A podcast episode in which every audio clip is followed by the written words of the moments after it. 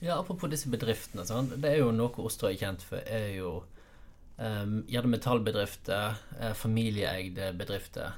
Mm. Um, hvordan vokste dette her fram? Ja, det er jo den berømmelige varianten av dette her eh, om at det begynte i kjelleren. sant? Altså, det er jo da eh, det er jo da det er mange som ser en mulighet, og så får en liten innpass, kanskje, og, og begynner med et eller annet uh, lite i kjelleren. Enten det er kanskje møbel, trearbeid, eller ei smie som sakte og sikkert blir uh, bygd ut. Eller garveri, som egentlig var òg uh, viktig tidligere. Så det er de tre eh, hovednæringene der, altså trearbeid, som en kan si var en, eh, en slags framhold av bygningsarbeidertradisjon. Så hadde du eh, garveriet, som bygde på det gamle den gamle bondegarvingen som var nødvendig, og som mange kunne håndtere tidligere. Og så da uh, smien av metallverkstedene, som uh, jo egentlig bygde på uh, den gamle Ja, både bygdasmeden og kanskje òg gardssmeden. Så alle disse tre hovedgreinene utvikla seg jo sakte sikkert ifra et håndverk, tradisjonelt håndverk, til etter hvert småbedrifter, og i dag er jo noen av de blitt store til og med. Mm. Når kan vi si at Når uh, var det plutselig færre jordbrukere på Osterøy enn hva som var tilsatt i f.eks. industri- og servicenæringer? Vet vi det?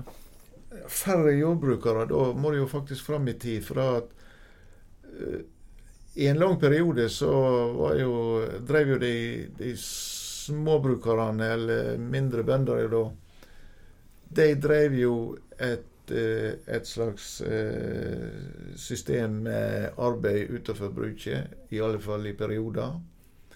Etter hvert ble det gjerne fast for mange av dem, og så drev de bruket ved sida av. Mm. Um, sånn at uh, når du er faktisk så langt fram som i 1960-året, så er det fortsatt omtrent like mange gårdsbruk på Osterøy som er i drift som det var si, rundt 1900. Men da er det mange av bøndene som driver med annet uh, i, i, tillegg. Ja, De lever ikke av dette alene? Nei, det er iallfall ikke hovednæring, sånn som det kanskje hadde vært i større grad tidligere for de fleste. Mm. Eh, mellomkrigstid blir jo ofte skildret som en slags krisetid ved mm. store økonomiske nedgangstid. Var det sånn på Osterøy òg?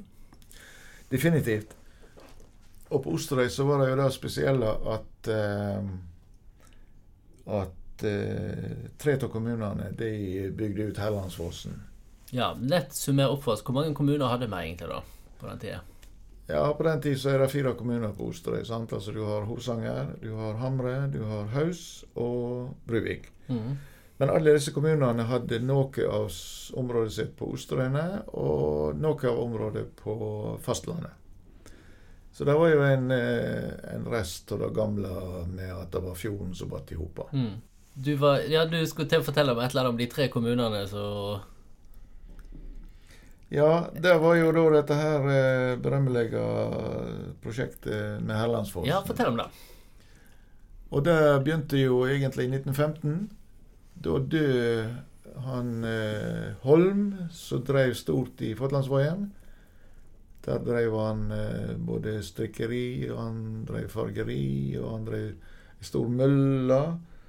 Slik at Fotlandsvågen var en, eh, egentlig en industriplass i ja, lokal målestokk, da. Mm.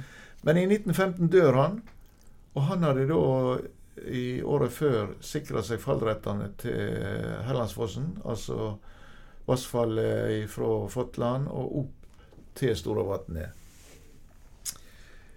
Eh, han var, hadde ikke livsarvinger etter seg, slik at eh, det som fort kom på banen, det var at Hosanger kommune kunne kjøpe fallrettene. Eh, og det var sånn som så Hosanger kommune de arbeidet ganske kvikt. Og gikk inn for å kjøpe det, men jeg skjønte jo ganske fort at uh, det ville være et uh, for stort prosjekt alene for en uh, så liten kommune. Sånn at Hamre kommune og Haus kommune ble med i, i prosjektet. Mm. Og det førte jo da til den utbyggingen som skjedde da i året fra 1916 og så framover. Var egentlig ferdig i 1918, men så hadde de et uhell. Så førte til at de måtte stoppe alt sammen, slik at det var ikke ferdig før i 1919. Men dette her er da under første verdenskrig. Og eh, veldig mange av kontraktene som var inngått på utstyr som bl.a. var kjøpt fra Tyskland og ellers i utlandet, det fører jo til at prisene de, eh, de gikk til himmels i løpet av det de krigsåret. Ja, det var sterk inflasjon. Veldig inflasjon, ja. Og det førte til at kommunene de, eh, og det, med det kraftverket de kom ganske fort i økonomisk eh, trøbbel. Og det førte jo til at eh, Hosanger og Hamre de ble begge to satt under administrasjon, som Det vil si at de, eh, det var egentlig Kommunaldepartementet som eh, bestemte hva de fikk lov å bruke penger på. Og slik at Litt sånn som Robek-lista i dag. Egentlig. Det, det er da at det er andre som rett og slett Mm. styrer, og selvfølgelig først og fremst styrer økonomien. Sånn at eh, de to kommunene Haus da de trekte seg ut der. Nei da, Haus kommune var med, men Haus kommune hadde mer å flyte på på den måten at eh, Haus hadde store industriplasser i eh, Arna-området. Og hadde litt grann mer å stå imot med eh, når dette her virkelig slo inn. Sånn at eh, Hamre og Hosanger var jo da Og det var det fram til krigen. Så var de i, eh, under administrasjonen av eh, departementet. Så hele mellomkrigstida. Ja, Så- altså de ble jo satt under administrasjon da i midt på 20-tallet. Mm. Slik at, og da hadde de ingen mulighet til å løse problemene sine. Sånn at eh, fram til krigen så er de da under styret av høyere makter. Og mm, Hva konsekvenser fikk det for de som bodde der? og sånn? Ja, det var jo blant annet da at eh, en så viktig ting På denne tida så var det jo kommunene som fastsatte skatteprosenten, f.eks. Og det førte til at på tross av eh, kommunestyret sine eh, om at ikke skatten måtte settes opp, så bestemte departementet stort sett hvert år at skatten skulle opp, opp, opp. Noe som gjorde at eh, innbyggerne eh, fikk det jo eh, trangere. Ja, hvor stor skatt var det snakk om? Nei, det var jo ikke svære greier i forhold til hva vi gjerne tenker. Det, var, det lå rundt en eh, 10-12-13 prosent eh, på denne tida. Men på den tida var det mye. Ja, og det som ble resultatet, det var at eh, en etter hvert fikk eh, lange lister over folk som enten søkte om nedsetting av skatten, eller du får lange lister i herrestyreprotokollene der de rett og slett eh, stryker skatten fordi at de har holdt på kanskje i flere år og prøvd å få inn penger uten å, å lukkes. Og du får en massevis av eh, sånne eksekusjoner, som det kalles. sant? Altså der eh, lensmannen blir eh, sendt eh, av gårde for å pantsette ei kyr, f.eks., eller Mm. en hest, eller hva det måtte være av eiendom.